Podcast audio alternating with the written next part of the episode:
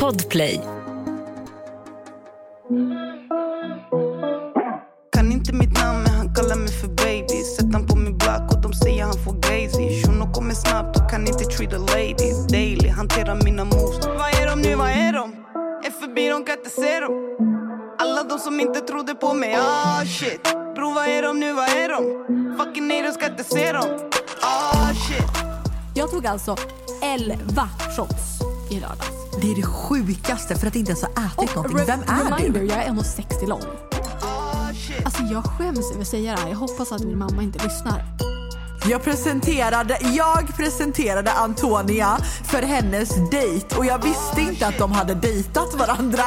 Så det blir jättestelt och de ska hälsa på varandra. Jag har gått med på att gå på dejt med den här killen från förra veckan. Han som jag råkade ringa till. Va? Ja. Kan inte du berätta allting från början till slut? I wanna know. Hon menar på att jag inte vill ha med henne i bilden. Varför Och så- då? För att du bad henne ta en bild? Ja.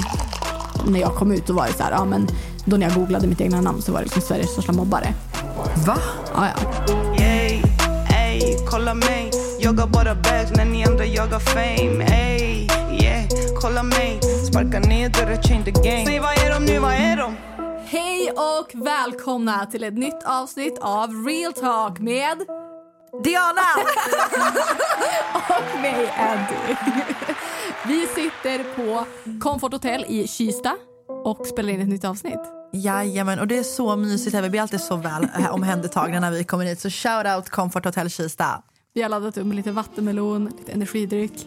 Yes, lite jordgubbar. Och det är så fint väder idag att jag har energi som jag faktiskt helt ärligt inte vet om den kan komma från någon annanstans ifrån än vädret. Jag har så good vibes idag. Jag känner att nu är våren här på riktigt. Men alltså vad är det som sker? Ena sekunden så är det, det har regnat två veckor i sträck typ.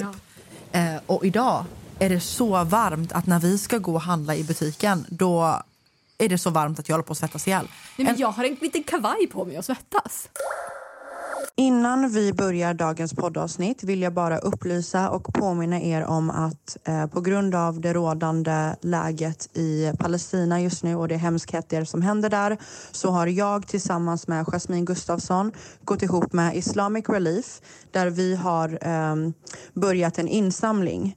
Eh, och den här insamlingen kommer att förse ett lokalt sjukhus i östra Jerusalem med sjukvårdsmaterial och medicin för att säkerställa behandlingen av skadade och befolkningen i Gaza med sjukvårdsmaterial och matpaket.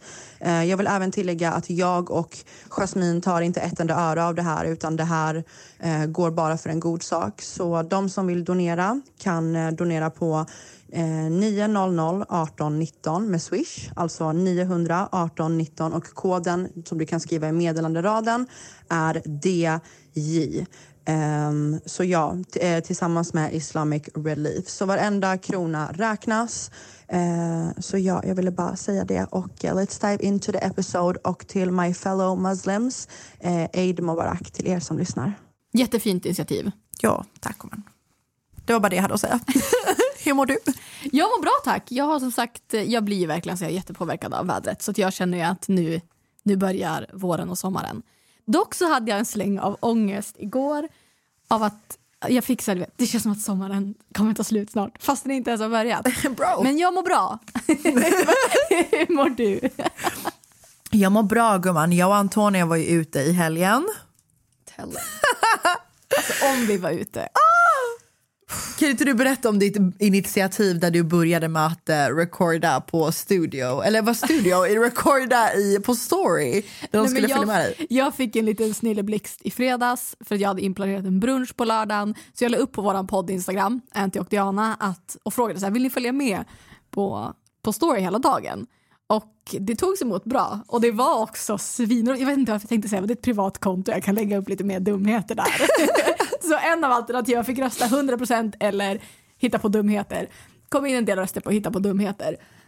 Och, eh, We love that. Ja, så jag började filma från morgonen när jag, innan jag klev in i duschen och sen så blev det någonstans under dagens gång en, ett shotrace. Det var inte tanken egentligen. De jag älskar. Tanken var bara att de skulle få hänga med på brunchen för att dels att få lära känna mig lite mer för som sagt jag sa det också på story att de som har följt den här podden ända sedan ni började podda har ju, så du har en säsong i försprång på Ja. mig. Så jag tänkte så här, ja men fan jag låter folk få lära känna mig lite grann. Även om det, det kanske de inte alls fick. De fick bara se mig bli fullare och fullare. Jo, jag tycker det var så jävla bra initiativ. Men det var faktiskt jävligt roligt. Det blev lite som en, en dagbok. Och nästa gång så får ju du göra det här. Ja, ja, ja. Vi vi måste får- även göra det här tillsammans. 100 procent. Det blev ju faktiskt lite tillsammans på slutet. Men det började med att det skulle vara en oskyldig brunch och sen så kom min kära vän Oscar på det fina. Jag är tidsoptimist. Och trots det så brukar jag verkligen komma i tid. Men den här dagen så gjorde jag inte det. Och då skrev han till mig, han bara du får inte komma sent och gör du det så blir det en straffshot. Och jag rullade in en kvart sent, det stod en straffshot på bordet och där, Love that. det var ju då det More spårade. friends like that. Och det började liksom med, ja men vi åt en liten brunch och sen tog vi in en flaska rosé och sen tog vi en mer shots, vi började dricka drinkar. Och jag började också lägga upp, vilken drink ska jag beställa, vad ska vi ta sen? Och sen, alltså jag skäms över att säga det här, jag hoppas att min mamma inte lyssnar, men vi drack alltså för över 10 000. inte åt mat, drack. Per person eller? Nej, är galen? Åh Men gud, jag bara tömde, Nej. tömde Nej bara. för fan, men ändå, vi var fyra pers. Jävlar. Det är fortfarande extremt mycket pengar. Verkligen. Och vi åt ingen middag. Jag förstår, det var så många som skrev till mig, både på podd Instagram och vänner som hörde av sig bara förlåt, förlåt men lever du? Jag tog alltså 11 shots i lördags. Det är det sjukaste för att inte ens ha ätit någonting. Vem Och är du? Reminder, jag är 1,60 lång. Nej men det är det sjukaste. Nej men jag förstår, jag kommer inte ihåg senast jag drack så här mycket. Och det var ju som sagt inte bara det, men jag drack också kanske sex eller sju drinkar, vi delade på två flaskor vin, jag drack min mål. Nej jag, jag, Oh jag my börjar bli typ full av att tänka på hur, Hur jag kunde du stå upp när vi träffades Buk? Alltså, det är det sjukaste jag har hört. är, jag ramlade också utanför juxen. Så att, eh, ja, det var en, en fin dag. Men det var ju faktiskt jättekul. Vi, vi ringdes ju på Facetime och tog en Ja. på distans. Men sen så var ju du på Jux och vi sprang och mötte upp dig och det var ju faktiskt svinroligt. Det, typ, det känns som inte att det var så mycket folk där. Nej, alltså det var så roligt. Alltså jag måste Alltså, vi bara rullade säga. också in typ när det var 45 minuter kvar innan de stängde. Och Ja, det bara, var "Vi tar in-" därför. Ja, ja, vi kom så sent och så bara, vad vill ni dricka? Och de sa också så här, sista beställningen, vi bara, vi tar in åtta shots, vi tar in fyra drinkar. Alltså, Jag tog ju typ tre shots mer och en drink. Ja, ja, ja. Som jag slurpade upp på en kvart. Nej, de som jobbade där hade kommit fram till oss och bara, ja fy fan jag måste säga att ni gjorde den sista timmen. Sa de det? Ja. Till vem? Till oss. Mig också? Ja, jag vet, de sa det inte till mig, det var, jag tror att det var Oscar som sa det. Jaha. Så att vi var ju tydligen jävligt roliga den Nej sista men timmen gud, i alla fall. jag kommer ihåg att jag stod och dansade vid bordet. Snälla vi dansade som fan. Nej, Shoutout till alltså- Jucklatation för att de är fan dunder. Ja, alltså snälla musiken på Juck.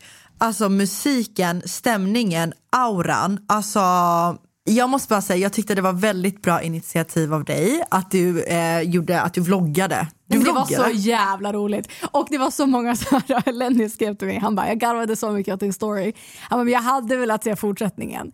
Men eh, då Alltså- hade det blivit som den memen som jag la upp innan. Då, för som sagt jag ramlade ju faktiskt på riktigt. Så det var, nästa gång så blir det mer content. Men då är det Ni din tur. måste följa med. Ni måste följa våran podd Instagram, Anty och Diana där vi kommer göra lite så här behind the scenes. Det var så jävla För jag kul. har känt lite så här, att jag inte riktigt vet vad vi ska lägga upp för typ av content där, vad folk vill följa med på, vad folk vill se.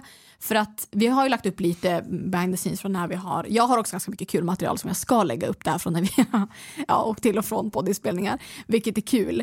Men där tar vi också gärna emot tips vad, vi vill, vad ni vill se där på den Mm. instagrammen. Så vi måste bli bättre på att lägga upp lite mer behind the scenes och också som, som den här gången att ni får lite exclusive material. Ja, För följa det där handlade ju ingen, min mamma ringde mig dagen efter och jag bara jag mår skit. Hon bara varför det? Då kom jag på att jag hade inte lagt ut någonting på min egna privata instagram att jag var på brunch. Hon bara jaha okej.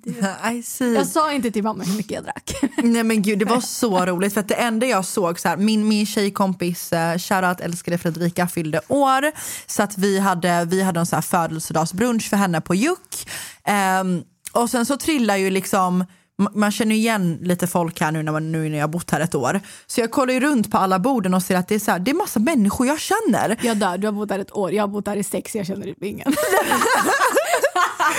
Så jag inser att det är massa folk jag känner. Det alla jag kände var typ på Det juck. kändes verkligen som att du kände alla. För Diana var så jag ska presentera dig för folk. Och jag bara, ja hallå. Ja. det var Det så kändes- kul! Men det var ju inte så mycket folk där heller. Det var ju i och med att det är Ja, det, vi, det var ju pandemi såklart så är det enligt ju restriktionerna. Ja, 100 procent. Och då var det ju också väldigt begränsat med bord där. Vilket jag tyckte typ att det var, det var väldigt skönt. Det kändes som att det var en privatfest. Ja, jag vet. Det kändes typ som att Loki jag kom till ett firande där du hade abonnerat stället. För jag För du, kände alla! Ja, men för du var så jag ska presentera dig för de här och för de här och de här och de här. Nej, men det var så kul för att Antonia ringde ju mig. Jag har ju bara följt Antis liksom, dag på, i poddens Instagram. Och sen så, ja men jag är där och liksom brunchar med min tjejkompis. Vi sitter inne till restriktionerna, dricker liksom skitskön R&B musik. Det är soligt ute. Alltså så här, det är ljust ute men eftersom att man får sluta dricka klockan åtta så börjar vi föra redan vid klockan två. Liksom. Så jag var wasted vid typ fyra. Anty ringer mig på Facetime. Jag hör ingenting för att det är ashög musik. Jag vet inte om du hörde mig. Nej men alltså, Du bara, hon bara signalerar shot, shot, shot. Och du vet, jag får panik, ställer mig upp, man får liksom inte stå upp vid borden heller. Ställer mig upp och bara bartender, we need some shots! Du vet. Så jag springer runt som en galning, jag vet inte om du la märke till det, jag var så jävla full. Till slut så fixar typ en av eh, de ansvariga på Juck fixar en tequila shot till mig så att jag shottar med dig över Facetime.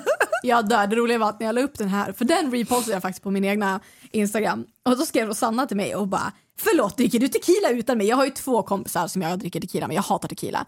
Men det är Rosanna och det är Amanda. Så Rosanna skriver bara förlåt dricker du tequila utan mig? Jag bara nej, jag, vi drack inte tequila, vi drack en skakad shot. Och jag bara nej nej, jag, nej det jag gjorde jag inte. Hon bara det ska det bli ändring på när jag kommer hem och skriver alltså att jag ska byta namn till Antonia Don Julio för att vi ska dricka så mycket tequila när hon kommer hem. och för er som inte vet vad Don Julio det är en tequila en tequila 1942. jag dör. Men det var så kul för att sen trillade du in där och jag var ju så full så att i mina ögon, tänk att så här, vi är på en bar, det är asskön stämning, helt plötsligt ser jag Anty trilla in genom dörren. Och för mig som var full var ju du skitnykter. Så jag kommer in där och bara kom jag ska presentera dig för alla mina vänner på Jack. Och du vet så här, presentera dig för mina killkompisar och en av dem kände du redan.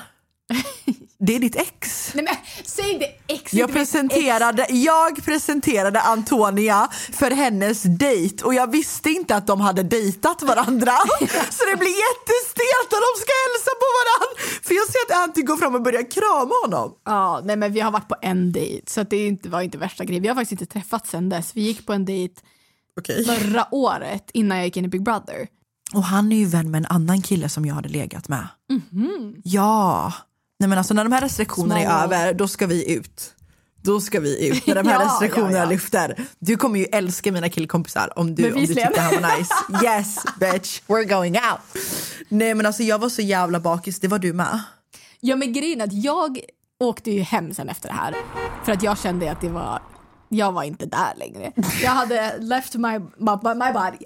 Va? Jag vill att Anty skulle med på efterfest. Nej alltså at this point i had left my body, jag var inte där mer så jag tog beslutet att jag måste åka hem. Men Diana har innan det, två sekunder innan jag inser att jag inte kan gå på en efterfest så är det så här, vi ska absolut åka med Diana på efterfest, du skickar mig hundra adresser på sms. Jag bara fattar inte vart jag ska men jag är, jag är så tacksam ändå att jag åkte hem för jag tror att hade jag inte åkt hem när jag åkte hem så hade jag fått eh, köras till eh, Sankt Görans. Nej men sluta. jag skojar, jag skojar. Oh my god. Men det är helt sjukt för när jag kollade på våran story dagen efter då hade du lagt upp, du och jag tydligen dansat på en story på Anty och hur- Diana hur- instagrammen. Och jag kommer inte ihåg det här. Och det stod count 11 så Ja, det var på ja. din elfte shot Ja. bror. Och det, det sjukaste var därefter när vi skulle räkna, räkna ihop igen hur många vi hade tagit så tror jag typ att det blev mer än så. För Ja. Att, för att David tydligen när de kom och sa sista beställningen så säger David dubbla det vi tog innan. Jag shotade allting. tre med er. Ja du då var det mer. Och då var jag ändå bara vid ert bord i 30 minuter. Jag tog tre shots och en mojito. Och du och jag har stått och dansat på min story i mojitos, alltså med mojitos Ja. i handen. Mojitos. Hur säger du? Mojito. Mojito? Ja. Jag säger mojito. Det här har varit en grej i podden innan. Ja. Ja, ja. Okej, ja. Det låter inte lika gott men sure. Mojito, fattar du? Fan, alltså, du var fan bakis i två dagar. Alltså jag mådde skit. Jag vet inte för det första varför jag skickade 27 adresser till olika efterfester. Ja, det slutade med att jag hade efterfest hemma hos mig. Jag och typ bara typ, alltså mina närmaste. Vi följde restriktionerna. Men det var så jävla kul. Vi festade ju, vi efterfestade till typ nio på morgonen. Och jag var så fucking bakis dagen efter. Alltså jag, jag var bakis i två dagar. Det är, måndag, det är tisdag idag. Jag sov hela söndagen och hela måndagen. Men jag gick ändå, envisades ändå att gå på en dejt. Ja, det vill jag ju höra om. Nej, men alltså, vi, pratades ju, vi pratade både i söndag... Jag, jag ljudmeddelade Diana på söndag morgon och bara “jag mår skit”. Och så, så ringdes vi igår och du lät typ som om att du mådde lika skit som jag gjorde på söndagen igår. Jag mådde skit igår! Ja, vi skulle skicka iväg ett jobbrelaterat mail och Diana bara “kan vi skriva så här?” och jag läser det hon har skrivit och bara “vad fan står det här?” Jag bara “vet du vad Diana, jag tar det. Jag skickar det här mejlet. Lägg det upp faktiskt så.” Jag låg i fosterställning hela, alltså alla persienner neddragna. Jag låg i fosterställning hela söndagen och hela måndagen. Men jag mådde ju värre på måndagen för att på söndagen var jag ändå på dejt. Och Ja, vet, så alltså, att, alltså tanken av att gå på dejt. Nej, jag krigar det. Jag skickade ju ljudmeddelande till dig och bara så här. Jag tror jag är helt förstörd på söndagen. Vi hade varit ute på lördagen. Alltså, tycker, du, tycker jag ska gå på dejt? Alltså, Du måste ju typ varit fortfarande vara full. Ja, det, jag, jag misstänker ju det nu, att jag fortfarande var full. Men det var ju väldigt speciellt. Vad, Ni satt i en bil och drack kaffe eller vadå? Ey, ey, kolla mig Jag har bara bags när ni andra jagar fame Ey, yeah, kolla mig Sparka ner dörrar, change the game Säg vad är de nu, vad är de? Är förbi, de kan inte se dem Ett poddtips från Podplay. I podden Något Kaiko garanterar östgötarna Brutti och jag, Davva, dig en stor dos skratt. Där följer jag pladask för köttätandet igen. Man är lite som en jävla vampyr. Man har fått lite blodsmak och då måste man ha mer. Udda spaningar, fängslande anekdoter och en och annan arg rant. Jag måste ha mitt kaffe på morgonen för annars är jag ingen trevlig människa. Då är du ingen trevlig människa, punkt. Något Kaiko, hör du på Podplay. Därför är gardinerna.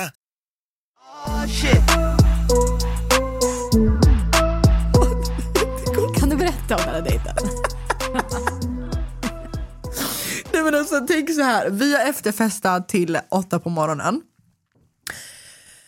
Jag är helt förstörd, vet, jag står och städar, plockar undan alla glas. Och du vet, så här, vi var inte ens många, vi var typ tre, fyra pers. Men vi hade glas som att vi hade haft efterfest för 27 personer. Du vet. Så blir det, varför blir det alltid så? Jag vet Glasen inte. blir alltid... Jag, när jag är hemma också, jag är alltid så här, varför står det fyra glas i mitt vardagsrum? Jättekonstigt. Så jag plockade typ alla mina martiniglas, vinglas, alltså allting. Och du vet, det luktar typ alkoholist i min lägenhet.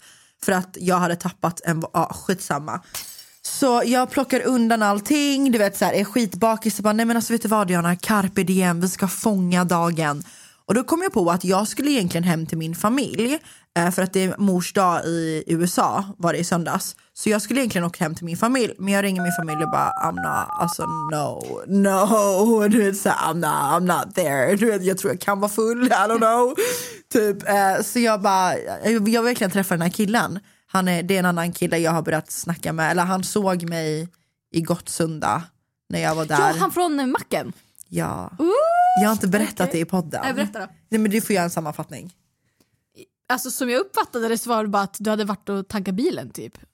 Ja och, exakt. Och de hade, han hade sett dig och skrivit till dig typ. På väg till... Just det var han från Clubhouse, nu kommer jag ihåg! Ja! Ah, just På det. väg till min dejt där jag, skulle träffa, där jag skulle träffa den här andra killen som jag var och dejtade hos Amelia. Mm. På väg till honom, då har jag, ska jag tanka bilen i Gottsunda, jag har varit hos min, hos, min, hos min familj. Då ser den här andra killen mig och då kände hans kompis igen mig. Och vi har tydligen, du och jag, har varit i samma rum som den här killen på Clubhouse. Du visade mig aldrig en bild. Nej, men han har ingen riktig profilbild vad- Nej, men vad heter han då? på, På Clubhouse? på Clubhouse. Jag ska visa profilbilden, jag ska visa profilen så får du se om du känner Jag igen. känner typ igen det lite grann. Ja, vi har varit inne i samma grupp som honom på Clubhouse. För han känner igen både ditt och mitt namn. Så då kommer han i alla fall upp. Det är han här, kolla. Ja, ja, ja. Mm. Ja, Så, han! alltså, det sjukaste är, han har en bild med en emoji för sitt ansikte och jag ser ändå att det är så fucking mycket din typ. Det Jag vet! sjukt. Jag vet! Ja. Jag vet! Nej men så han, tänk att så här, jag, jag kommer inte ihåg den här killen, jag kommer bara ihåg att jag var och tankade och då kände jag igen någon snubbe. Så jag är i alla fall och tankar, eller han, han, jag kommer upp på Clubhouse och då kommer han upp på scen och jag vet ju inte vem det är för jag kommer, jag kommer ihåg att det var någon kille från macken och då säger han så här jag diggade verkligen din aura, jag tyckte du hade skön energi på scen framför massa människor i det här rummet. Och bara så här, kan vi snälla, han bara jag vill inte ta ditt telefonnummer, jag har inte Instagram, jag vill inte ta din snap för att det känns liskigt. Kan, jag, kan vi gå in i privatrum typ? Och jag vill ju inte det först. Men alla, han typ frågade så länge, det var så mycket folk så vi gick in i privatrum, snackade i typ tre timmar. Så då bestämde jag mig för att träffa honom. Så vi, vi, jag var helt bakis, helt förstörd, du vet ju hur jag mådde, skit. Eh, åkte hela vägen till Uppsala i fucking spöregnet. Träffade honom, eftersom att det regnade så satt vi bara i hans bil eh, och bara åkte runt lite grann. Typ. Han, eh, vi stannade och köpte en Nocco typ. Vi stannade på den här mack och han kände killen som jobbade på macken så att det blev jättestelt för det var första gången vi umgicks. Men vi åkte bara runt i bilen i typ två, tre timmar. Vad bra då. Alltså jag vet inte, jag kommer inte ihåg så mycket. Ah, Okej. Alltså jag kommer inte, trä, gå, dejta inte om ni är bakis. Nej, Nej jag, jag skulle väl aldrig i helvetet göra det ändå. Det är bara du. Alltså det är ingen som lyssnar nu som tänker ja, bra jävla idé att gå på dejt när man är bakis. Jag gjorde det för podden! Ja, det är fint nej, men, nej men jag vet inte, jag vet inte. Jag tänkte att det hade Men- kunnat vara kul, han var jättegullig men jag minns inte sådär Skulle du jättemycket. kunna träffa honom igen? Ja, alltså ja, om han tar initiativ till det. Alltså, ja. Hur sa ni hej då? Eh, jag, jag kramade han hej då, bara snabbt och sprang Aha. därifrån. Ni pussades ingenting? Nej. Nej, okej. Jag vet inte om han gillar mig bara som en kompis eller som mer. Jag fick ingen riktig vibe på Okej, han. fattar. Så det var det. Nej men alltså, vill du höra vad jag har gjort? Vad har du gjort? Vad jag har gjort? gått med på att gå på dejt med den här killen från förra veckan. Han som jag råkade ringa till. Jag heter Johanna. Nej, jag dör nu. Jag hade uppe konversation med den här killen och råkade ringa honom och han svarade på Messenger. Är du seriös? Va? Ja. Nej men vadå, det här har inte du sagt till mig. Vi har umgåtts i två timmar nu. Jag vet, jag har hållit på det. Vad- du sa inte någonting i helgen heller. Vadå, när bestämde ni det här? Igår. Okej, berätta Eller jag allt. bestämde det här igår. För att så här är det. Jag eh, råkade ringa honom och skrev, jag, det blev ju exakt så som jag sa att det skulle bli. Att jag råkade ringa honom och så skulle han börja höra av sig igen och det gjorde han ju. Och eh, skrev så här, ja men hur är det med dig, bla bla bla. Jag svarade inte. Så han skrev tre gånger utan att jag svarade. Och så skrev han igen och skrev, jag gör inte sånt här, jag känner inte igen mig själv, men ge mig en dejt, jag har en känsla av att vi, skulle, att vi verkligen skulle klicka. Och då kände jag så här. Det här är alltså en snubbe som har ansträngt sig. Vi, vi matchade på Tinder för ett år sedan. Ungefär, i augusti förra året. Och han fortfarande krigar för att hänga med mig, även om att han känner inte mig. Jag bara, alltså har inte jag gett snubbar en chans som inte har ansträngt sig på det här sättet? Exakt. Så jag kände bara fuck it och då skrev jag, var, jag skrev också ganska rude. Jag bara fine, du får en dejt. Men väntar du flera månader på att svara den här gången går det fett bort. Han bara, han bara garanterat kommer aldrig hända igen. Och sen han bara, nu blev jag både nervös och glad. Och så svarar jag, jag bara, nervös behöver du inte vara. Jag är faktiskt ganska snäll. Ganska snäll. Okej, men vadå, när ska ni träffas? Har ni bestämt Vi har inte någonting? bestämt det. det här, jag skrev verkligen det här igår kväll. Jag tänker att nu ligger bollen på hans planhalva. Han, alltså, grejen, jag känner bara så här, vad fan, vad, man kan gå på en dejt. Vad är det värsta som kan hända? Jag måste vara lite mer yes woman och bara säga ja till saker. Jag får se hur han ser ut. Gud vad kul! Med en dejt gumman. Jag har noll förväntningar om jag ska vara helt ärlig. Men eh, Han ser ju bra ut. ja, alltså Ja, den här bilden är tagen i LA, eh, vid det här museumet du vet. jag vet. Men han har ju bott på lite olika ställen och spelat basket. Men gumman, han ser bra ut, han är lång, han har rest världen runt verkar det som. Han driven, han vill verkligen ta ut det på en dejt. Han pushar för det. Ja, ja, alltså han får... Ja, Han ja, har men 100%, muskler. Ja, men 100%, han får ju den här dejten för att han ansträngt sig. Det ger jag honom. Det, det får bli vad det blir. Men det blir säkert trevligt. Men sluta vara så pessimistisk, vad roligt! Ja, det blir kul. En dejt. Antonia ser helt äcklad ut när hon säger att hon ska på dejt. Alltså snälla, vi är liksom så unga. We need to get out there honey. Ja, jag har ju sagt att jag ska vara lite mer, säga ja till saker. Så nu kände jag, han har ansträngt sig, det måste man ändå belöna. Mm, Okej bra, då kan ni gå ut i helgen. Hoppas han tar initiativet nu så kan ni gå ut i helgen så får vi en update nästa vecka. Stay tuned. Ey, ey, kolla mig Jagar bara bags när ni andra jagar fame Ey, yeah, kolla mig Sparka ner dörrar, change the game Säg vad är de nu, vad är de? Är förbi, de kan inte se dem Ett poddtips från Podplay. I fallen jag aldrig glömmer djupdyker Hasse Aro i arbetet bakom några av Sveriges mest uppseendeväckande brottsutredningar. Går vi in med hemlig telefonavlyssning och, och då upplever vi att vi får en total förändring av hans beteende. Vad är det som händer nu? Vem är det som läcker? Och så säger han att jag är kriminell, jag har varit kriminell i hela mitt liv men att mörda ett barn, där går min gräns. Nya säsongen av Fallen jag aldrig glömmer på Podplay. oh, shit Okej, men ska vi gå in lite på veckans tema som vi har tänkt prata om? Ja men det kan vi göra. Det känns som att vi har snuddat vid det här i princip alla avsnitt. Just för att vi kommer från reality båda två. Vi har jobbat med reality, vi har varit med i reality, vi har många vänner som är i den. Vi är ju i den branschen, let's face it. Och vi får dagligen frågor. Hur ser relationer ut med den här och den här personen? Och hur var det att lära känna vänner i PH versus Big Brother? Och ja, men bara lite... Folk vill veta mer om hur det, hur det funkar och hur det ser ut i, i den värld, i vår värld. Så vi tänkte prata lite om det. Och det verkar som att folk är så intresserade av det också, vilket, jag, vilket jag köper. 100%. Att så här, ja okej men de har varit i, varför är du inte vän med alla från PH? Anty har du, vilka har du kontakt med från Big Brother? Jag fattar det, för att jag själv undrar det när jag kollar på så här, när mina vänner är med i någon säsong. Bara, du, har du fortfarande kontakt med han eller hon? Eller? Så jag tycker vi, let's dive right in and I have a question for you my darling. Kör. Jag har ju inte kollat din Big Brother-säsong för att jag var väl inne i PH samtidigt som du var inne i Big Brother eller någonting sånt. Jag vet inte. Ja, våra, jag har inte kollat så mycket på din säsong heller, det krockade ju lite där. Vilket är ju perfekt. Ja, det är ju det är ju helt perfekt. Men jag har fått väldigt mycket frågor om att du har varit med i Big Brother. Så jag vill att du berättar om hela din Big Brother. För det var ju, om jag inte minns fel, så var det väl, det hände väl lite grejer inne i huset. Din, alltså det känns som att din upplevelse av Big Brother inte var typ den roligaste kanske alla gånger. Kan inte du berätta allting från början till slut? I wanna know. Absolut. Alltså jag har ju älskat reality sen jag föddes i princip. Jag har kollat allt. Alltså jag är en av de största reality-torskarna i detta avlånga land vill jag ändå påstå. Och jag har alltid, alltså jag har ju tackat nej till de flesta reality-dokusåporna. Jag har sagt att nej, men nej, det är inte för mig. Skulle jag vara med i någonting så är det Big Brother. Och eh, fick förfrågan att vara med i Big Brother 2014 men tackade då nej för att det var precis då när jag höll på att flytta till Stockholm. Så det passade inte in.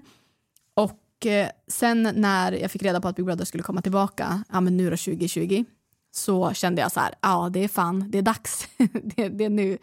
Och jag eh, sökte, jag skickade in en ansökan eh, och eh, gick på casting. Och jag gick på casting precis när jag kom hem från att jag hade varit i LA.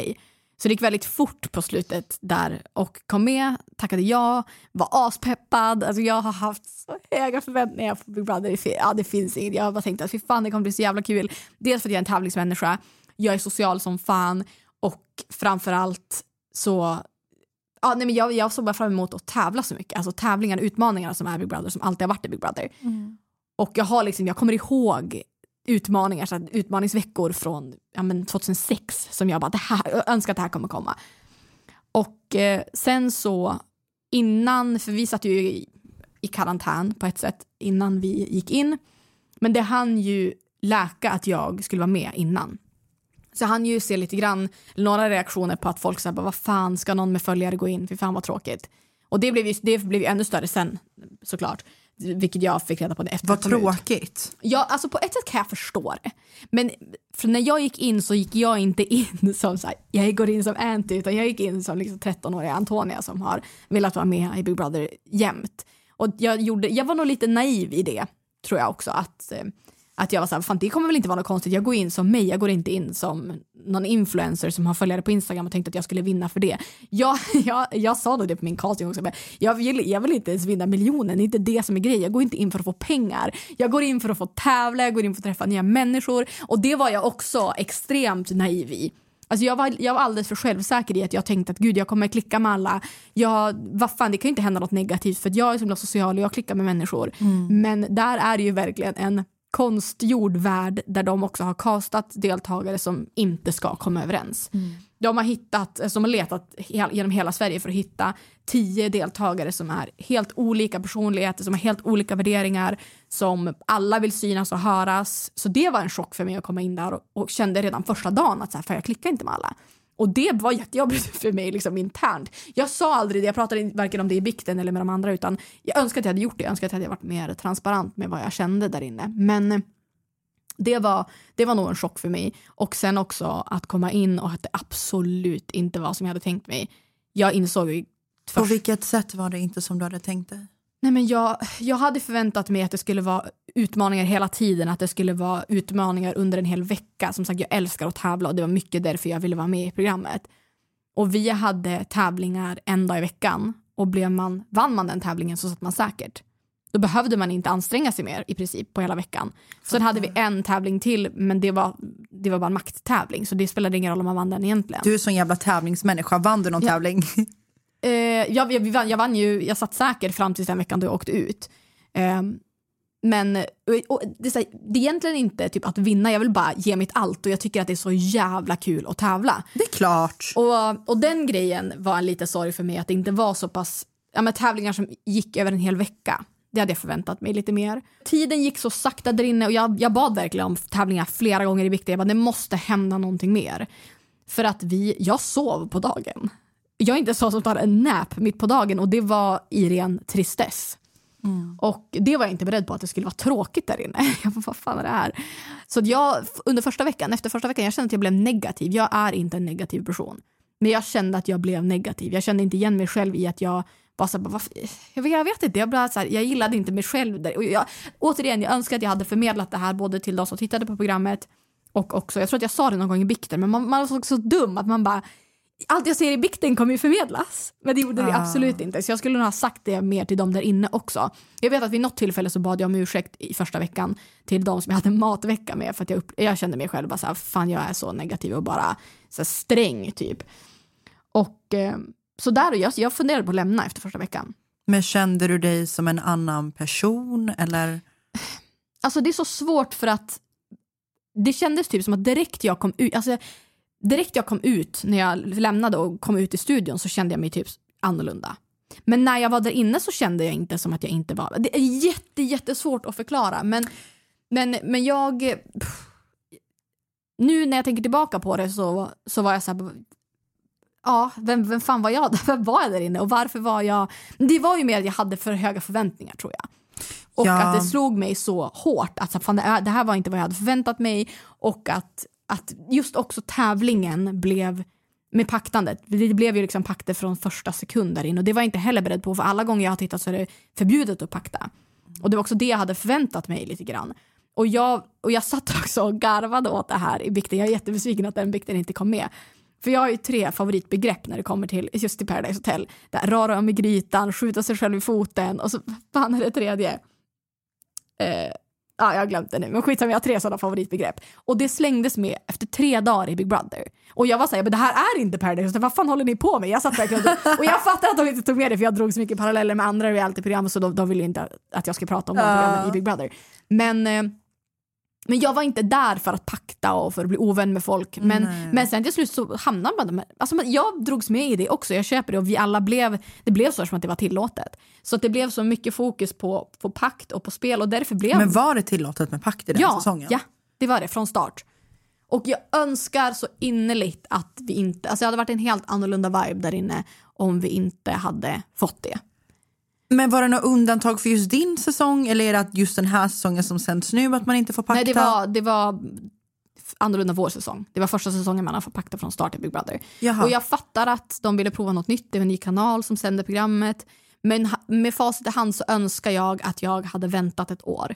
För att för att kanalen skulle ha fått liksom sin testrun. För att jag tycker att de gör, har gjort det mycket, mycket bättre den här säsongen i form av att det händer mycket mer, de får göra mycket mer saker och eh, alltså just att de inte fick pakta. Det, har, oh, det, är bara en, det är bara en så stor... Det, är så, ja, det har vi sett om man har sett båda säsongerna. Ey, ey, kolla mig. Jagar bara bags när ni andra jagar fame. Ey, yeah, kolla mig. Sparka ner dörrar, change the game. Säg vad är de nu, vad är de? Är förbi, de kan inte se dem Ett poddtips från Podplay. I podden Något Kaiko garanterar östgötarna Brutti och jag, Davva, dig en stor dos skratt. Där följer jag pladask för köttätandet igen. Man är lite som en jävla vampyr. Man har fått lite blodsmak och då måste man ha mer. Udda spaningar, fängslande anekdoter och en och annan arg rant. Jag måste ha mitt kaffe på morgonen för annars är jag ingen trevlig människa. Då är du ingen trevlig människa, punkt. Något Kaiko, hör du på Podplay. Därför är gardinerna. oh, shit. Men jag hörde någonting om att det snackades skit i Big Brother. Mm. Att det var något skitsnack, att du hade backat Mergi med någonting. Mm. Ehm, Ja, alltså i och med att... Alltså ja, jag backade Mergim absolut. Det gjorde jag ju och jag fick extremt... Jag skulle nog alltså, med handen på hjärtat säga att jag fick mer skit när jag kom ut i alla fall än vad Mergim... Han fick ju också skit under hela tiden han var där inne. Men jag tror att jag fick mer skit för hans handlingar eller för att jag hade backat honom än vad han fick när han väl kom ut. För då hade han fått den tiden på sig att visa att han hade förändrat sig och, och tagit ansvar och så vidare. Och så vidare. Medan du kom ut till en hatstorm. Typ. Ja, där jag liksom kom ut till att jag borde hänga mig och hoppa från en bro. Och, och jag... Alltså jag var, var absolut inte beredd på Jag fattade när jag gick in. Jag bara, det är klart att folk inte, alla kommer inte gilla mig. Men, eh, men sen att komma ut, det, det, var, alltså, det var verkligen så här... Jag har hållit på med sociala medier i... Men vad hände då? För, för de som inte har kollat, för mig som inte har Mm. kollat helt. Alltså det som, det som blev var att först började det med att folk gillade inte mig för att jag kom in med följare. Att folk tyckte att det var orättvist. Det köper jag. Jag är helt med den kritiken. Det, får, det är helt, vad säger man, Be, befogat. Och sen så blev det ju en grej när Victoria kom in eh, och framförallt ett tillfälle var att, eller folk störde sig också på att jag rullade med ögonen och att folk tyckte att jag ja, men tyckte att jag var bättre än alla andra för att jag rullade med ögonen och för att jag inte deltog i vissa diskussioner. Eh, sen så kommer jag stå fast vid att jag inte tyckte att alla diskussioner där inne var intressanta och jag inte ville... Alltså, så här, det Men var, vad, vad var det för diskussion du rullade med ögonen för något? Typ. alltså grejen är att det kan, jag minns inte ens själv, jag gjorde det inte medvetet. Jag har typ ett tics, jag rullar med ögonen. Du skulle Mm. kunna säga jag har träffat en kille som jag är dödskär i, jag skulle kunna rulla med ögonen. Ah, ah. Alla som känner mig vet om det. Och det Ja. var också en grej som jag tog, för jag umgås ju bara med människor som förstår min jargong. Och, Mm. som förstår, och jag trodde typ att alla skulle göra det där inne också. Men det är klart som fan att de inte de känner inte det Antonia.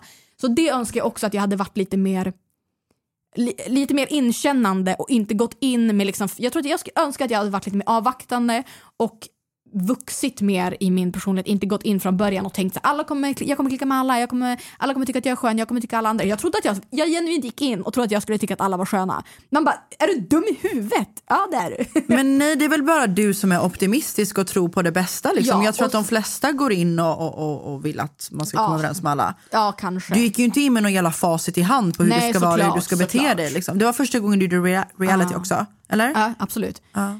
Så, men, eh, men sen så när...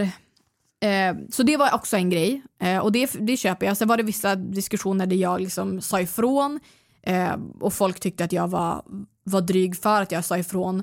Jag Som att, vad? Typ. Ja, men, det var en situation där eh, där Alex sa att han tyckte att alla tjejer skulle ställa sig framför honom och twerka och han skulle liksom vara någon slags twerk-jury typ och säga vem som var bäst på att twerka. Och jag, och jag rullade med ögonen och sa typ aldrig i livet, fan är du dum eller?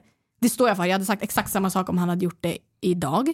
Eh, ja, Det har ingenting med Alex att göra, Alex var en av dem jag kom närmast där inne och klickade bäst med. Så att jag ser åt honom att det var sliskigt sagt, inga konstigheter. Det, det skäms jag inte för. Men då, efter, när Kim åkte ut så gick Kim också ut och sa att ah, det var extremt bitchigt att hon rullade med ögonen och spädde på framförallt den situationen där jag till och med sa åt, för Kim du behöver inte rulla med ögonen i det, jag kommer ihåg den situationen. Och jag sa, att det var inte åt dig Kim. För det var det absolut inte. Det var åt Alex, Alex visste om att det var till honom. Men då blev det också en grej att, att Kim spädde på det såklart. Att så, ah, hon gjorde, jag kommer ihåg att hon gjorde det, det var fett bitchigt. Det var bitchigt, men det var mot Alex och det står jag för. Men som sagt, sådana små grejer och det fattar jag, det är tv, det är drama, jag, jag köper det också. Men, eh, och sen kom Victoria in och eh, det var ett tillfälle, för jag hade med min engångskamera som min personliga sak. Och vi var på utegården och eh, vi var inte all, det var inte alla i, i huset, men vi var, det var större, en större del av gruppen. Och sen kommer Victoria ut och då hade Victoria kommit in samma vecka. Så när hon kommer ut så eh, började det med att jag sa åt henne, för hon hade med sig en dunväst. Och jag bara jävlar, för jag såg när hon hängde in den, jag bara jävlar vad snygg väst du har på dig. Eh, när hon kom ut. Och sen ber jag henne också, jag bara, skulle du kunna ta en bild? Ger henne kameran hon bara ja absolut. Jag bara gud alltså vi, vi tar ju fler bilder. Alltså vi, vi roterar liksom. Jag ser det i, i samma liksom, mening. Och sen säger Glasman, så här, ah, perfekt new girl. Och jag tror inte att han menade det som så heller att så här, Vadå, ni alla var ute på gården och skulle ta gruppen. bilder. Ni skulle ta en vi, bild var, vi grillade så vi skulle ta en bild under grillningen bara. och då Vi var- kommer Victoria ut Ja. i samband med Ja. det. Ja, Eh, så jag ber henne ta en bild, säger då också att så här, ah, men vi, vi tar flera, liksom. du, du ska också självklart vara med på bilden. Det var inte så här, jag vill inte att du ska vara med på bilden. Hon tar bilden, Alex säger direkt, tar kameran från henne, bara sätter du så tar jag en bild. Och hon säger nej och går in. Varför då? Eh, för att då upplever hon, då, då gick hon in, hon in i bikten och sa att, att jag hade varit, att det hade varit medvetet från mitt håll att först att gaslighta henne lite grann. Att så här, säga att hon hade en fin väst och sen be henne ta bilden för att jag inte skulle, hon menar på att jag inte ville ha med henne i bilden. Varför och så då? att- För att du bad henne ta en bild? Ja. Och också för att Glasman såklart, jag tror inte ens att jag uppfattade att Glasman sa new girl till henne. Och jag tror inte att han menade det som att hon nya tjejen, hon ska inte vara med på bilden. Eh, men jag tror att i, de två meningarna i samband för henne blev att, att hon kände att det, det, att det var taskigt. Och det köper jag också. Eh, men då sa hon att Antonia är en så jävla mobbare. Eh, för att hon gaslightade mig på det sättet. Sa att jag hade en snygg väst och sen bad mig ta en bild. Eh, för att jag inte skulle vilja ha med henne i bilden. Men det som hände sen samma kväll är att, att hon blev ledsen för en, de började diskutera eh, folk som hade gått bort. Så hon blev ledsen och gick in i vårt sovrum och jag kom in och sen var det Victoria och gick sen och satte mig med henne och pratade med henne om det och tröstade henne i att hon var ledsen. Eh, och jag önskar någonstans där att hon sa att, att, vi pratade om varför hon var ledsen, det hade ju ingenting med utegården att göra men jag fattar också där någonstans att hon kände sig lite utanför. Och jag önskar att hon hade sagt det till mig för då hade jag kunnat förklara situationen. Det handlade absolut inte om att jag inte ville med henne i bilden. Eh, men där blev det ju en grej att i och med att hon, hon, hon sa att det var medvetet så uppfattade folk det på när man såg avsnittet att så, här, ja, det var medvetet från Antonias sida och det var mobb, alltså mobbning. Liksom. Men hade de också med då när du tröstade henne senare i sängen? Alltså, i rummet? jag, hon, vi hade, de, tog med, någon- de tog med en scen när hon satt och återberättade den här situationen till Julia och Jasmine som inte var på utegården. Och sa men Antonia, är så jävla vid, det var ett vidrigt beteende att hon bad mig. Och det spädde ju på det ännu mer att de bara förtydligade att jag hade varit taskig. Men sen när jag har pratat med Victoria om det här i efterhand så har hon sagt till mig att det var mer Glasmans kommentar som var som var problemet. Men jag, jag tror också att Victoria hade sett på utsidan, för hon hade ju sett programmet innan, innan hon gick in, och sett att folk störde sig lite på, på att jag hade, ja, men så, här, kollade snett vid tillfällen och också störde sig på att jag hade följare sen innan. Och då var det lite så här, det på det och sen att jag också mobbade henne blev liksom the icing on the cake, vilket gjorde att när jag kom ut så var det så här, ja men då när jag googlade mitt egna namn så var det liksom Sveriges största mobbare. Va? Ja, ja. Ey, ey, kolla mig Jagar bara bags när ni andra jagar fame Ey, yeah, kolla mig Sparka ner dörrar, change the game Säg vad är de nu, vad är de? Är förbi, de kan inte se dem Ett poddtips från Podplay. I podden Något Kaiko garanterar östgötarna Brutti och jag, Davva, dig en stor dos skratt. Där följer jag pladask för köttätandet igen. Man är lite som en jävla vampyr. Man har fått lite blodsmak och då måste man ha mer. Udda spaningar, fängslande anekdoter och en och annan arg rant. Jag måste ha mitt kaffe på morgonen för annars är jag ingen trevlig människa. Då är du ingen trevlig människa, punkt. Något Kaiko, hör du på Podplay. Därför är gardinerna. Oh shit Alltså som sagt, jag kan inte ta ifrån någon en känsla om de kände sig ut. Jag, har- jag och Victoria har pratat om det här, jag har bett om ursäkt till henne men hon har också förtydligat för mig att hon inte att det liksom inte var lika stor grej som det framstod som. För ni var väl inte ovänner resten av tiden i huset utan du, om jag Nej, nej, förstod var det rätt inte- så tröstade du henne direkt Ja, efter? vi var, inte, vi var inte ovänner, vi var, vi var inte supernära heller men det var man ju inte med alla där inne. Nej, nej, nej. Och jag var bara där i en vecka med Victoria, sen åkte jag ut. Ehm, så, men som sagt, jag var verkligen så här, om hon har känt så så ska jag 100% ta ansvar för det och be om ursäkt, vilket jag också gjorde. Men, men då, det var ju, Victoria sa ju det direkt att så här, det var absolut, det var inte värsta grejen för henne. Nej. Men, men jag tror inte heller att hon förstod vilk, vad hennes, att säga det, att kalla någon för mobbare till någon som inte är där och inte förstår och inte vet hur klimatet är. Det är klart att de, och sen också i och med samma dag som jag åkte ut så gick ju också Jocke in. Och då satt ju han också i studion och sa att, att jag, och Amelia och Mergen var mobbare och tryckte på det och sa att han ville att jag skulle åka ut. Och att... att Vad sa Joc- Jocke det? Mm. Och jag menar, det är också så jävla naivt att tro att, att Jockes ord inte har någonting med sak, alltså att, att hans ord inte väger tungt inför en röstning. Så säger Jocke, för Jocke släppte en intervju med, med Clue på, sam, alltså på morgonen innan liven, där han sa, eller fick frågan vem vill du ska åka ut och han sa Antonia. Och jag sa också det till produktionen efteråt, jag, bara, jag, tyckte, jag blev faktiskt jävligt besviken. Jag och Jocke har pratat ut om det också. Ehm, och men, men att en av Sveriges största influencers ska få gå ut och säga att jag, det, är klart, alltså det är klart som fan att jag åker ut. Inga konstigheter. Men, men som sagt, jag tror verkligen, hade jag suttit mot en, alltså en tallrik i Alltså, i en utrustning så hade jag ändå åkt ut. För folk hade bestämt sig att jag skulle Jag åka dör, ut. hon bara tallrik. Ja, men alltså jag köper, alltså så här, det, det, det är vad det är och det blev vad det blev. Men jag, jag är inte besviken. Som sagt, jag har inte velat vinna en miljon. Det har inte haft någonting med det att göra. Det jag tycker är tråkigt är att jag blev ifråntagen drömmen inom situationstecken att vara med i reality och vara med i Big Brother och sen blev det så här. Det är skittråkigt och det kommer aldrig försvinna. Jag har absolut skitroliga minnen från huset. Jag är jätteglad att jag har träffat vissa människor som jag har träffat där inne.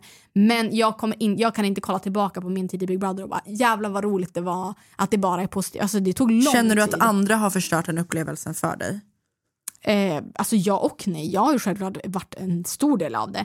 Men, men det är klart att eller alltså, det andra väl inte, jag ska inte lägga det på någon annan. Eh, jag lägger mycket på mig själv och jag lägger också en ganska stor del på produktionen om jag ska vara helt ärlig. Eh, jag har pratat mycket med dem. Dels, jag, jag vet att det släpptes en artikel eh, jag sa ju nej sen efter den här artikeln för det blev ju, ah, det blir ju aldrig som man själv ser, det blir inte ens egna ord i artikeln. Nej, nej, nej. Saker vrids och vänds i media, det vet jag. För folk säger ju att, att man har sett allt för man har kollat liven på Big Brother. Men man kan ju inte följa alla kameror samtidigt och man kan inte se allt ändå.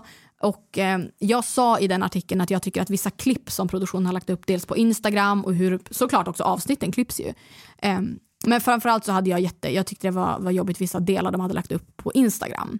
Och det pratade jag om, framförallt när det kom till Victoria för de la upp ett klipp där de får det att se ut som att jag snackar extremt mycket skit om Victoria. För att jag viskar samma dag som hon kommer in till Amelia. Och så skriver de, lägger de bara upp det, att de ser att jag viskar. Och jag, det jag säger är att jag pratar med Victoria, alla behöver liksom inte hoppa på henne för vi vill ju såklart ha in henne i vårat sovrum och vår, vår pakt. Eh, så jag säger så här, jag pratar med Victoria för att alla kan inte hoppa på henne, så jag pratar med henne. Ehm, och eh, viska viskar det då till Amelia. Men det kommer, man fick ju inte, inte tillåtet att viska. Men det gjorde jag ändå och de, produktionen hör inte vad jag säger. Men de lägger upp det klippet då på Instagram och säger vad tror ni Antonia säger om den nya tjejen Victoria? Och jag gick in och läste de kommentarerna, de, hade ingen, de modererade ju inte, knappt kommentarerna. Så där var det ju så här, jag tror att hon säger att hon är en fitta, jag tror att hon är falsk, att hon håller ut henne, Antonia är så jävla taskig som snackar skit om nya tjejen så fort hon kommer in. Men gud. Och det jag sa var att jag ville att Victoria skulle vara med i vår pakt. Så, och då, jag, det var det jag menade med hur de har klippt och hur de har framställt saker. Och jag sa det, jag bara, då frågade jag produktionen, jag bara, vet ni vad jag säger? De bara, nej vi har ingen aning. Bara, Men hur kan ni då lägga upp ett sånt klipp? Där ni låter folk spekulera fritt i att jag skulle snacka skit om Victoria. När det enda jag sa var att jag pratar med henne för att Amelia hade pratat mycket med Martin som kom in innan i och med att så här, få in honom i vår pakt. Jag bara okej men du får ta, ta det blev ju så att man hoppade på de nya direkt. Men det blir ju så, ja. Ja. Speciellt om paktbildning Ja men tillåtet. exakt, så är det ju i Hej. PH också. Att Ja. man ska smöra för de nya. Men snälla, Och- jag släppte inte folk ur sikte. Nej men precis, och då tog, sa jag att jag tar, jag tar det ansvaret, jag pratar jättegärna med Victoria. För vi hade kommit, hon nämnde att hon visste vem en, en vän till mig var. Så jag bara, hon kanske så här, det är dunder, då kan jag prata om det. Så då har vi liksom en icebreaker. Eh, men därav blev det, blev det fel. Liksom. Eh, och det var det jag pratade med folk i form av att hur produktionen också har hjälpt till att måla upp en skev bild. Men där blev det som att jag skyllde min, alltså allt, hela mitt beteende på hur det har klippts. Och det, det gör jag inte. Jag köper att jag ibland var oskön. Jag köper att jag absolut gick in med för höga förväntningar och för höga förväntningar på mig själv också. Och framförallt att jag var, hade alldeles för mycket självkänsla i hur jag gick in i Big Brother. Jag har aldrig varit med i reality innan. Jag trodde att jag visste mer för att jag har sett reality. Man kommer aldrig veta hur det är och det, var, alltså det är ju verkligen en konstgjord värld. Man kan inte jämföra situationer i Big Brother med situationer utanför huset. På samma sätt som jag inte kan jämföra mina erfarenheter i Big Brother med dina erfarenheter i Paradise Hotel. Nej. Men jag tror ändå att du kan ha mer förståelse för det för att vi båda har varit i den här 100 procent. Och jag kan säga så här att de här reality-serierna som, som ni lyssnare kollar på, det är ju sociala experiment där man har byggt upp en helt, man har regisserat och producerat en hel reality-serie. Men så en virtuell värld. Är det Exakt, ju. för jag tror att det folk inte förstår är att det är liksom det är ett psykologiskt spel, vare sig det är anpassat efter Big Brother eller Robinson eller Paradise Hotel. Och jag tror att det är många inte, för det här insåg inte jag när jag skulle gå in och pratade med en deltagare som hade varit med innan, innan jag skulle åka in i Paradise Hotel. Då frågade, någon, då, då, då frågade jag en av mina vänner som varit med tidigare, hur känns det att vara med i Paradise Hotel? Behöver jag förbereda mig på någonting? Och då sa personen till mig att du kommer aldrig fatta vad jag menar när jag säger att du hamnar i en bubbla. Det är som att du är där men du är inte där. Och när du är där, då är hela den bubblan är hela din värld. Minsta lilla är typ som på liv och död. Och det var verkligen så det var att vara inne i Paradise Hotel. Nu, nu vet jag inte hur det är att vara inne i Big Brother. Jag skulle ju varit med den här säsongen men det blir inte av. Eh, så eh, Ja, thank men så God för är det. det. Ja, men det är verkligen så. Jag, jag liksom började bråka över en kökshandduk. Mm. Jag blev arg för att någon körde tvättmaskinsprogrammet på två timmar. Mm. Alltså förstår man blev arg. Jag blev arg för att folk körde skidbackar i osten. Alltså sådana grejer blev man irriterad. Jag skiter väl fullständigt i det på utsidan. Mm. Men där inne så blir det, det blir ju allt man, man har ingenting annat. alla känslor blir förstärkta och jag tror att när man är isolerad med människor man inte känner, som människor som är castade till att man inte ska komma överens med varandra, då blir det automatiskt mer bråk och intriger och det, programmet är designat för det. Produktionen hade aldrig castat folk där alla kommer komma överens med alla. Hur kul hade det varit att se massa människor sitta stå och hålla handen och sjunga Kumbaya? Man vill ju se lite drama och folks personligheter och jag tror att sådana här realityprogram tar fram en annan personlighet, en annan, en annan, en annan sida från folk 100%. Än vad det i vanliga fall är. Men jag tycker det är jättetråkigt att du känner att så här, det inte var det roligaste. Och jag, jag, jag förstår lite grann vad du menar. Nu har inte jag kollat varken din säsong eller hela Big Brother-säsongen som går nu. Jag följer ju mest bara klipp och kollar på det mina följare skickar. Men jag vet ju, jag såg till exempel igår att eh, eh, Tanja satt ju med en blond kille Simon. Simon, eh, där han typ säger till henne att så här, ja men du är så himla omtyckt på utsidan och du har ju dina följare och jag har även sett tidigare i kommentarsfält, jag har ju hängt med i Big Brother lite grann på grund av det här med Nardos och sett i kommentarsfält att folk bara säger, ja men gud Tanja förtjänar inte att vinna, hon har följare sen innan, hon kommer, någon har till och med sagt till henne under en tävling om jag inte minns fel, lägg dig bara, Mm, dina följare Simon kommer ändå. Ja, gud vad Simon är, pikar Tanja, vad fan är grejen med det? Alltså Simon har jättelågt, alltså han Har du sett klippet från igår Ja, eller? ja. När han sitter och, så här, han sitter, sitter och säger till Tanja att han inte tycker att hon förtjänar att vinna Mm. miljonen. Han bara, får jag säga så? Och Tanja bara, äh, va? Du vet, hon, Tanja är så jävla trevlig Mm. Ja, i otrevliga situationer till och med. Jätte, hon har tagit det jättebra. Han Och han flera gånger. kollar in i kameran och s- kollar in i kameran och sen sätter han på sig sin fucking offerkofta och bara så fort han inser att Men kamerorna är på. så What the fuck? I, alltså Simon är ju verkligen, han är jätteomtyckt på utsidan. Jag tror absolut, jag, som sagt, jag har sagt det, jag tror att han kommer sitta i final. Men det, blir, det där blir så jävla taskigt att sitta och säga att någon inte förtjänar det. Alltså det är klart som fan att Tanja förtjänar att vinna. Alla som är där inne förtjänar det. Alla, ja, alltså alla har sin egen resa där inne. Det är all, en lika stor prövning för alla fast på olika sätt. Och att, jag, jag, jag förstår inte men som sagt, på samma sätt som jag inte förstår hur, hur Simon tänker så tänker det har försvunnit från Simon att, att det kanske inte är jättesmart att sitta och säga det till någon som faktiskt är extremt omtyckt på utsidan. Men eh, ja, nej, det... Men det känns också som att i just Big Brother överlag så kanske det känns som att det är mer accepterat i PH. Jag vet att folk stör sig när samma allstar personer kommer in hundra gånger. And I feel you, samma sak med X. Men eh, vissa människor borde bannas från X fast vet du Men vad, det som är också, jag fattar den grejen, men samtidigt går man in en andra gång så vet man vad man ger sig in på. Jag tycker att man typ, vissa har gjort det bättre andra gången för att de är förberedda, de vet hur det är. Alltså, det är klart att man ska ge folk en alltså, nya människors chans att, synas i tv och jag köper hela den här grejen. Men jag tycker inte automatiskt att det är någonting negativt att se en person som har gjort reality en gång tidigare göra det igen. Och sen är PH garanterat någonting helt annat från Big Brother. Även om jag skulle gå in i PH så skulle jag säkert tänka att jag har lite erfarenhet, jag, jag kommer nog fatta lite grann. Jag, jag hade säkert varit exakt lika lost. För att det är ett helt nytt koncept, det är helt andra premisser. Så jag tror absolut att... Ja, Men det Tanja känns bara som att Big Brother är lite hårdare mot eh, nya, mot gamla eller offentliga personer. Ja. Precis som att, att det de alltid kanske... har varit typ, det ska inte vara liksom. Precis, det känns som att det är lite äldre krav. För jag och Jocke snackade om det för att jag, jag snackade lite med Big Brother-produktionen eh, och då snackade jag med Jocke om det och han sa typ att de gillar inte de gillar inte offentliga på samma sätt. De vill ha in nya ansikten. Ja. Det, de- de vill, publiken vill behålla det. Exakt. Så, så det kanske inte var den rättvisaste chansen mot dig heller. Men på tal om relationer, vilka, har du, vilka från Big Brother har du kontakt med idag? Vem står dig närmast? Vem, vem hade du gett en tumme ner? Jag har inte gett med någon, alltså jag har inte bad blood med någon. Eh, men de jag har bäst kontakt med är Lenny, Amelia, eh, Mergim, Lisa pratar jag med stundtals. Eh, har haft lite strökontakt med Victoria. Eh, Alex har jag haft, det var ju länge sedan men ändå, de har jag väl haft mest kontakt med tror jag. Sprungit på Glasman någon gång ut och bara kör, vad händer? Jag och Lenny hörs väl mest skulle jag säga som det ser ut nu. Eh, och, men det var också, så- jag, jag sa ju det i förra avsnittet, det var så självklart för mig redan när jag träffade Lenny där inne. Och det var så speciellt för att jag var bara där i tre veckor.